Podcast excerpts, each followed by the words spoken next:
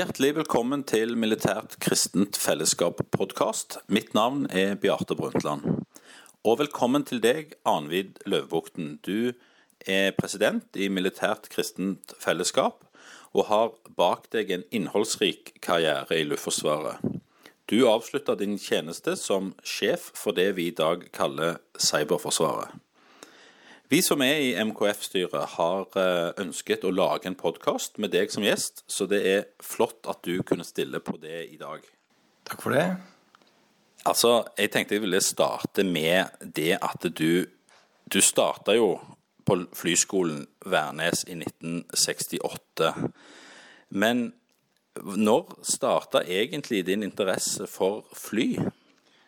Ja, min far var flyver. Han var eh, både testflyver og alt eh, mulig rart. Eh, så jeg kjente jo til flyving fra jeg var liten. Men ikke før jeg egentlig gikk ut av videregående, så, så søkte jeg flyskolen fordi at det, jeg tenkte at det var en rask måte å tjene penger på. Ja. si det som det er, da. Ja. Og du ble flyger, og gikk etter en periode som jagerflyger over til eh, å ha en omfattende tjeneste som testflyger. Eh, du hadde en eh, testpilotskole i USA før du starta som testflyger i, i Norge. Eh, det er fristende å spørre om du kan fortelle om noen spesielle episoder du hadde som testflyger? Jeg hadde veldig mange episoder, da. Men uh, hvis jeg kan trekke fram et par, så er det f.eks. første gang jeg kom med Starfighter F-104 og skulle lande på Kjeller. Det er jo ganske kort rullebane der, da, som de fleste vet. Så, så uh, lander, lander, vi da med på, på, denne testprosedyren så lander vi da med fulle bremser for å teste at bremsesystemet fungerer bra. da. Men problemet var at eh, de var ikke helt montert riktig. Da, så, da jeg landet med ganske høy hastighet, eh, så eksploderte begge dekkene. Fordi hjulene var låst, de kom ikke i sving. Og da mistet jeg også retningskontrollen og holdt på å gå rett ut av rullebanen. For da skjer ting på veldig kort tid i veldig høy hastighet? Det er riktig. Og jeg satt på et sete som jeg ikke kunne skyte meg Jeg kunne ikke skyte meg ut på bakken, for det var for dårlig. Og jeg visste det at i det øyeblikket jeg traff eh, kanten av rullebanen, eller kanten av, av banen, da, så ville jeg Da ville jeg rulle rundt og være ferdig. Men akkurat rett før jeg traff kant, kanten, så fikk jeg kontroll på neshjulstyringen og fikk da manøvrert meg inn. Og dermed kunne du eh, da evakuere deg fra flyet? Ja, jeg hoppet ut av flyet så fort jeg fikk stoppet, eh, fordi at jeg visste at uh, siden det brant lystig under hvert, hjul, i hvert hjulbrønn, så, så, visste jeg at det kunne eksplodere når som helst. Så jeg, jeg løp det jeg kunne. det, det, må ha vært en dag man husker på en arbeidsdag som stikker seg ut. Um, det var Starfighter?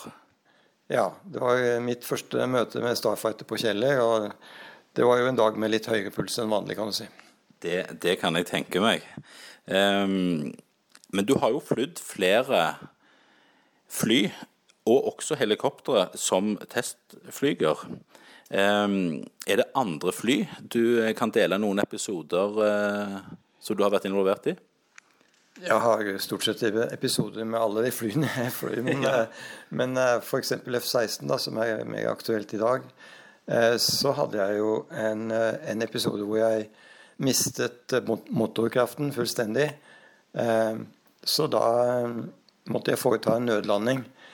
Heldigvis var jeg i nærheten av Gardermoen, slik at jeg, jeg skled inn da som et glidefly, bortsett fra at det var ikke veldig mye glidefly i i F-16. Den synker jo som en skiftenøkkel, ikke sant. Uh, men, uh, men jeg kom da inn, og um, det, det, fungerte greit. Men også det var jo en dag med litt, litt høyere puls, da. Ja, for fra du erfarte denne svikten og til du måtte gå inn for landing, så var det jo et kort tidsintervall? Ja, det var bare eh, kanskje et par minutter, eller, eller, Det var ganske lite, da. Det å være testflyver, det er jo eh, tjeneste som også gjør at man må forberede seg på å holde ut høye G-krefter. Eh, for de av oss som ikke er så godt bevandret i, eh, i flyging, hvordan forbereder du deg til å, eh, å holde høy, høye G-krefter? Ja, det går egentlig mest ut på å holde seg i god form. Eh, vi blir jo testet eller, i sånne sentrifuger. Eh, så eh, vi vet jo hvordan eh, hva slags toleranse vi har. Eh, både uten G-drakt osv. Og, og, og med. Og det som er poenget, det er å kjenne seg selv og vite når, når er det jeg det svartner for meg. liksom. Når er det jeg er ute ut av drift. Ja. Ja. Så hvis du kjenner til det godt, så vet du å stoppe i tide. Fordi at når jeg tester flyene, så skulle jeg holde 9G, altså ni ganger din egen vekt, eh, i en, en stund da, for å sjekke at flyet tålte det, og at uh, instrumentene viste riktig. Men det er såpass eh, krevende at du må vite dine egne begrensninger før du kan gjøre det der. Du var testflyver i, i flere år.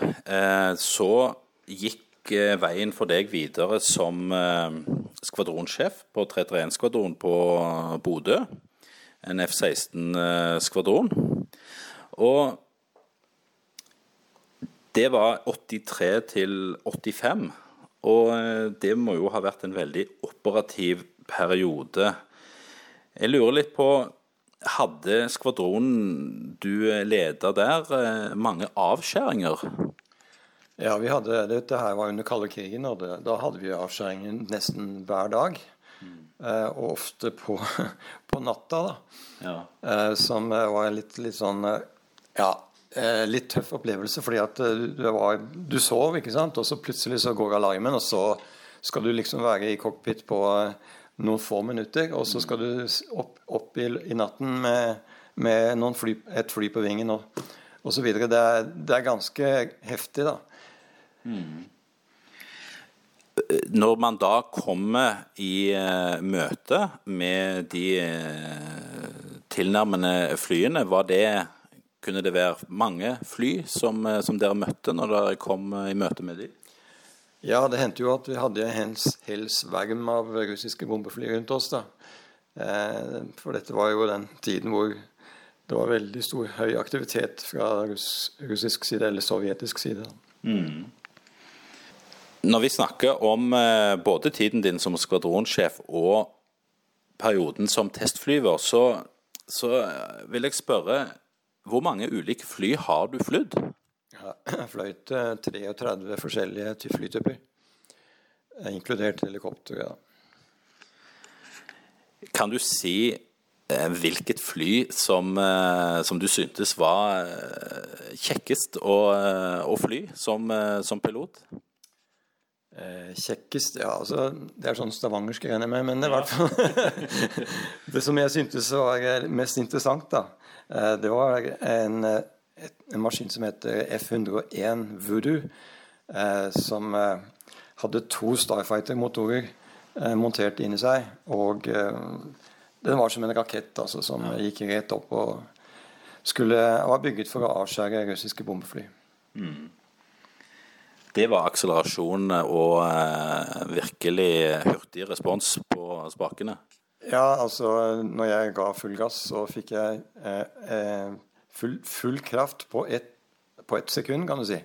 Og det er jo veldig unormalt. I dag så får man en sånn gradvis eh, trinn, forskjellige trinn av etterbrenneren som, som, gjør at du får litt sånn myk start. Men her var det sånn, sånn veldig kickstart som jeg aldri hadde opplevd før. Så det var spesielt. Etter du eh, hadde tjenestegjort som skvadronsjef eh, i Bodø, så gikk du stabsskole eh, i 1985. Og fra 1986 til 1991 så var du militær representant ved FFI på Kjeller, Forsvarets forskningsinstitutt. Eh, senere, i 1997, så ble du stasjonssjef på Ørland flystasjon, og ble også utnevnt til brigader der. Eh, det var jo da samtidig med Kosovo-krigen som, eh, som eh, raste den gangen på Balkan. Og som stasjonssjef så leder du det norske bidraget i den Nato-ledede operasjonen. Kan du si litt om eh, de erfaringene du gjorde som stasjonssjef? Ja, det var en uh, ganske sterk, uh, sterk, opplevelse. Fordi Norge hadde jo ikke sendt jagerfly i, i noe krig siden annen verdenskrig. Uh, så Luftforsvaret gjorde nå, skulle da gjøre dette her oppdraget som ble gitt av regjeringen. Og, og det viste seg da at vi var ikke organisert eller utrustet på noen måte for å kunne løse et slikt, oppdrag. Så det, var, det, endte jo med at jeg ledet uh, mye av uh, arbeidet fra Ørland som stasjonssjef. Fordi at verken staben eller, eller, Lutt, eller kommand, kommandosentralen vår FKH, som det heter i dag, eh, hadde egentlig planer for å kunne gjøre dette her. Så jeg, jeg måtte da gjøre det meste fra Ørlandet. Måtte kalle på de som hadde peiling. Og så Det meste ble fleksib, altså en, en øvelse i fleksibilitet. Og, og vi hadde egentlig da eh, Ja, for, fordi vi var, hadde veldig mange entusiastiske mennesker rundt oss, så gikk dette bra. Men det var altså en veldig sterk oppoverbakke for, både for meg som leder og for de som skulle faktisk gjøre jobben. Hvor mange fly var det som var brukt inn i, den, eh, inn i det bidraget? Ja, Vi hadde jo seks fly, ja, men vi, jobb, vi, hadde jo to fly om gangen eh, vanligvis. Slik at eh, de seks flyene de, de roterte, eller si, vi hadde litt reserve. Vi hadde jo ingen anelse om hvor mange teknikere og osv. og støtte, støttepersoner vi måtte ha for å kunne drive dette oppdraget. Så allting måtte vi bare se hva vi kunne få til. Og vi måtte ned der på relativt kort varsel. Slik at uh, vi opererte fra Italia, da. Mm. En base som egentlig var lagt ned, men, men uh, vi opprettet da stort sett allting uh, på egen hånd, sammen med noen dansker som kom også. Eh, og vi, eh, vi, klarte operasjonene, men mm. det var en veldig marginal sak, det må jeg si. Det var altså et luftforsvarsoppdrag med marginale våpen og marginale ressurser. Og eh, senere eh, så ledet du en annen deployering det var da til Kirgisistan som del av Natos bidrag i Afghanistan. Eh, kan du si litt om det oppdraget? Det var jo noen år senere. Ja, da var jeg, da var jeg luftkommandør. Og da, da hadde vi faktisk eh, fått litt planverk på plass. Eh, og vi hadde noe ledelse, og vi, vi visste mer hva vi ville. Vi hadde fått eh, dreid om eh, Luftforsvarets eh, oppdrag til å bli mer multirolle med F-16. Og vi kunne levere våpen på, bak, på, bakkemål på en bedre måte. Og i det hele tatt vi var mer utrustet, selv om vi manglet ting der også, da. Mm. Eh, så, så, jeg syns at eh, eh, vi klarte å løse det oppdraget òg, selv om det høres jo helt Altså, Den gangen så tenkte vi at det var en umulighet å drive operasjoner i Afghanistan med norsk materiell. Altså, bare tenk på logistikklinjene osv. Det var helt hinsides. Men, men det gikk faktisk allikevel ganske bra. Eh, vi, vi, klarte å løse oppdragene. Og dette var altså mer et Ja, skal du si eh, Et mer virkelig oppdrag hvor vi faktisk måtte levere våpen mot, mot bakkemål. Og vi kom inn i en, en krig hvor vi deltok mer offensivt. For første gang i historien etter annen verdenskrig. Og Det er en del av uh, Luftforsvarets uh, historie man der uh, vi snakker om her. Og, og, det er um, i bidrag sammen med andre Nato-partnere. Um, Alle kom vel hjem fra operasjonen? Det gjorde de. Vi hadde en del episoder, men det gikk veldig bra, heldigvis. da. Det norske jagerflybidraget i Afghanistan det besto av to deployeringer. Det ene stasjonert fra Kirgisistan, og det andre fra Kabul. Hadde du noen utfordringer der? Eh, ja, det hadde jeg jo.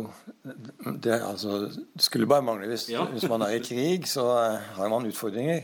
Eh, fordi krigen er alltid annerledes enn det du planlegger på. Eh, men det er vi jo for så vidt vant til å takle, så det er vi forberedt på. Det som jeg opplevde, det, det var jo at eh, vi var veldig mange nasjoner som skulle gjøre en jobb. Og eh, vi hadde et sett med engasjementsregler. altså når skal vi slippe våpen, eller i hvilke omstendigheter er det vi kan få lov til å slippe våpen? Eh, og eh, det var forskjellig fra land til land. Og Dermed ble det litt vanskelig av og til under enkelte operasjoner å kunne koordinere dette her og kunne gjøre de riktige tingene.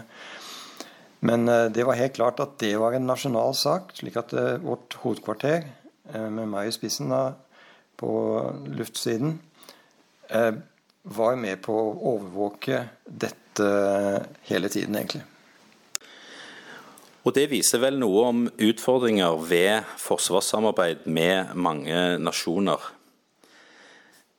Du har også vært eh, sjef for kontroll- og analyseavdelingen i Forsvarsstaben. Eh, du har vært luftkommandør for de norske styrkene ved Forsvarets operative hovedkvarter på Jåtta fra 2001. Og du har vært eh, sjef for cyber i Forsvaret og sjef for fellesstaben. Men jeg har lyst til å stanse opp ved at du var eh, luftkommandør for de norske luftstridskreftene fra eh, 2001. Da var du sjef for alle operative kapasiteter som Luftforsvaret kan frembringe. Kan du si litt om hvordan denne, denne tjenesten var? Ja, Det var en veldig veldig interessant uh, tjeneste. Uh, det var uh, mye av høydepunktet i karrieren, for så vidt. hvor du Ja, fordi at jeg liker å være en operativ sjef, da. så operasjoner, det, det faller i smak. Men det var selvfølgelig mange utfordringer. Og Eh, det at vi var også i krig for første gang eh, på en ordentlig måte, det var også eh, veldig utfordrende. Det må jeg si. Men samtidig så må jeg si at vi mistet faktisk ikke et eneste fly. Vi mistet ikke noe personell i den perioden som jeg var sjef der. Og det, det tar jeg altså ikke æren for selv, det må jeg si. Den æren går videre til den, tro, den Gud, Gud jeg tror på. For vi er, som du da vet, er en kristen og tror på Gud. Ja, eh, mange utfordringer og lederoppgaver ligger bak deg, eh, Arnvid, og vi har fått innblikk i noe av det eh, nå. Men i denne tjenesten så har du, som du nevnte nå nettopp, båret på en personlig gudstro. Kan du, kan du si litt om hva som var din vei til å, å få denne personlige troen? Ja, det var en, eh, en litt lang vei, det òg. Men eh, det begynte da jeg var 16 år gammel. Eh, jeg ble forelska i ei jente som het Øydis. Hun er i dag min kone. Så hun, vi spilte i et orkester. Jeg spilte trompet, og hun spilte fiolin. Og jeg ble da forelska i denne jenta. Eh, problemet var at hun var en kristen. da. Eh, og jeg var absolutt en skikkelig hedning. Og kom ikke fra noen kristen bakgrunn i det hele tatt. Og da blei det jo litt skjæring der, så eh, Øydi sa til eh, sin gud at eh, hallo, jeg, jeg ikke noe, vil ikke være noe mer sammen med han hvis ikke han blir en kristen. Men jeg gjør et forsøk. Jeg, meg, drar, jeg forsøker å dra han med meg på et, et, en påskeleir så får vi se om han eh, skjerper seg der. Hvor, hvor, hvor, gammel var du eh, da? Jeg var 16 år, altså. Mm. Og, og, på den påskeleiren så var det faktisk en som eh, fortalte om i hvem Jesus var, på en sånn måte at jeg faktisk forsto det. Og jeg tenkte ja, ja, her må jeg bare se om dette funker. Og jeg ga mitt liv til eh, Jesus da, og, og eh, ble en kristen fra det øyeblikket av. Så da, da gikk det videre med denne kjærligheten også. Og etter det så, så har du hatt eh, i voksen alder eh, verv i, eh, og oppgaver, lederoppgaver i eh, frimenighetslivet? Eh, ja, nei, jeg begynte jo i, i eh, Ikke frimenighet, jeg, jeg, begynte jo i Norske kirke. Mm. og var, var, jo der i de første ja, tolv årene av min kristne karriere, holdt jeg på å si. Mm. Men uh, de ti første årene så, så, levde jeg som kristen kan du si, litt, litt svakt. Jeg hadde én ben i den vanlige, gamle verden, og så hadde jeg ett ben i, uh, i den kristne verden. da. Det, så det blei litt sånn at jeg var den pysa som, som aldri turte å være med på noen ting og sa nei til alt og ikke var med i gjengen i det hele tatt. Og det å være en jagerflyger, som jeg etter hvert ble, da, Eh, være i den rollen der, det er ikke særlig lurt. Så for meg så var det en veldig vanskelig periode de første ti årene. Og hvordan eh, gikk du da eh, frem? For det ble jo da en eh, motsetning, en spenning du kjente på. Hvordan fikk du eh, jobba med, med den eh, spenningen? Ja, til slutt så sa altså Jeg er ganske utålmodig person, så jeg sa til, sa til Gud at ok, hvis du fins, hvis du er til, så, så, må du vise deg for meg og, og, så, og gi meg Den hellige ånd. For jeg skjønte når jeg leste litt i Bibelen, for jeg leste ikke veldig mye, men litt, at jeg trengte Den hellige ånd. For det var det som var nøkkelen til at ja, ting skjedde da i, i apostlenes gjerninger og sånt når Jesus gikk til, dro til himmelen og etterlot seg sine disipler, så var det i Den hellige ånds kraft at de faktisk gjorde de samme tingene som Jesus gjorde. Mm. Og det var det jeg syntes var interessant. Men det funka jo ikke hos meg. Så jeg tenkte ok, hvordan får jeg til dette her? Så jeg bare ba til Gud om at ok, du må gi meg dette her. Hvis ikke så, så, så gjør jeg noe annet. Da ga du klar beskjed ja. til Gud hva du hadde behov for? Ja, jeg er veldig Jeg syns det er greit med klare beskjeder. og da svarte jo da Gud selvfølgelig på det. Så han eh, Jeg fikk da det vi kaller det dåpen i Den hellige ånd, eller jeg ble fylt av Den hellige ånd. Og så eh, Derfra så gikk det slag i slag, og det har vært et, et liv eh, ikke sånn at det har vært medgang i alt jeg har gjort, men at det har vært et veldig interessant liv jeg har levd fra den dagen. Og du har eh, Det har jeg sjøl eh, hørt på. Du har undervist i det som kalles for Guds fulle rustning i Efeserbrevet kapittel 6. Kan du utdype litt på hva dette betyr, og hvordan en troende kan erfare dette Eh, med Guds fulle rustning i, i, sitt liv? Ja, det er klart. Uh, dette med, som står om uh, Guds fulle rustning i Efeserne 6, vil ligne veldig mye på den krigen som vi har studert. da. Jeg har jo studert krig, altså fysisk krig, i, i 40 år. Den ligner veldig mye på den åndelige krigen som egentlig foregår, som vi ikke ser men som er like reell som den fysiske. Mm. De samme prinsipper gjelder egentlig.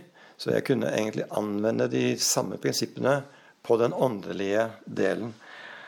Og Paulus beskriver jo hva som må til for at vi skal kunne gjøre dette her. Eh, og det han beskriver, sant, det er en romersk soldat som har en rustning på seg, hvor han beskriver beltet av sannhet.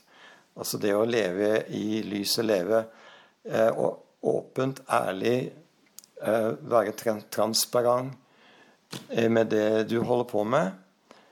Slik at du ikke driver og spiller noen eh, annen enn den, den, du er, overfor Gud og for mennesker. Ikke bare Gud, men for mennesker også. Og det å ta på seg denne brynjen av rettferdighet, for den, den får du av, av, Gud når du faktisk gir deg selv over til Jesus da. Eh, hver dag. Eh, ta på frelsens hjelm, som er, som er beskytter hodet. ikke sant? At du er veldig faktisk beskyttet eh, når du har på deg den hjelmen den gangen. da. Eh, fra alle slags eh, fiendens angrep mot det viktigste målet. Det er, det er kjempeviktig. Og så troens skjold. Det er altså slik at den onde sender brennende piler, tankebygninger, tanker, til ditt hode. Det kan du ikke unngå, egentlig, at det kommer dumme tanker i hodet ditt. Men det du kan gjøre, det er faktisk å stoppe de. Mm. Stoppe de tankene og si at jeg vil ikke tenke lenger på de, jeg vil heller tenke på de, de tankene Jesus gir meg. Også til slutt, da eh, den, Dette sverdet som, eh, som, er egentlig det eneste våpen du har, det er Guds ord, som, eh, som er så effektivt. Som egentlig klarer faktisk å beseire alle slags djevelske påfunn eh, helt fortløpende. Det viktige da er at vi har, faktisk har Guds ord innabords. Og at vi leser det og lærer det utenat, rett og slett. Mm. Eh, Arnvid, eh, hva vil du si til eh, de som er unge i dag, og som eh, lurer på om Gud er reell? Ja, det Akkurat det spørsmålet stilte jeg jo til Gud, eh, som du hørte. Ja. Det står jo i, faktisk i uh, Guds ord at, uh, at, vi kan faktisk prøve Han. Om han faktisk er den han er. Um, og det var det jeg gjorde. ikke sant? Jeg satte ham på en prøve at Gud, nå må du svare meg. Jeg, hvis du er reell, så vil jeg gjerne gi mitt liv til deg. Hvis ikke, så gjør jeg noe annet, som jeg sa. Og det, det vil jeg jo si til, til de, som lytter på nå, at dette er noe å tasse på det er ikke bare noe, men det er faktisk hele livet. Jesus sa jo at 'jeg er veien, sannheten og livet'. Både altså veien til eh, et godt liv, eh, også veien til himmelen. Eh, for vi skal jo leve evig etter, etter, at dette livet her er ferdig, for dette livet er veldig kort, egentlig. Og så er han sannheten med entall. Det er altså ikke flere sannheter. Det er bare den ene her. Det kan jo da prøves, og det kan du teste ut eh, ved at du faktisk eh, går sammen med Jesus.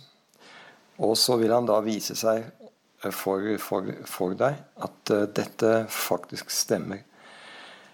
Så vil han gi oss et liv som er helt annerledes enn det som verdens folk har.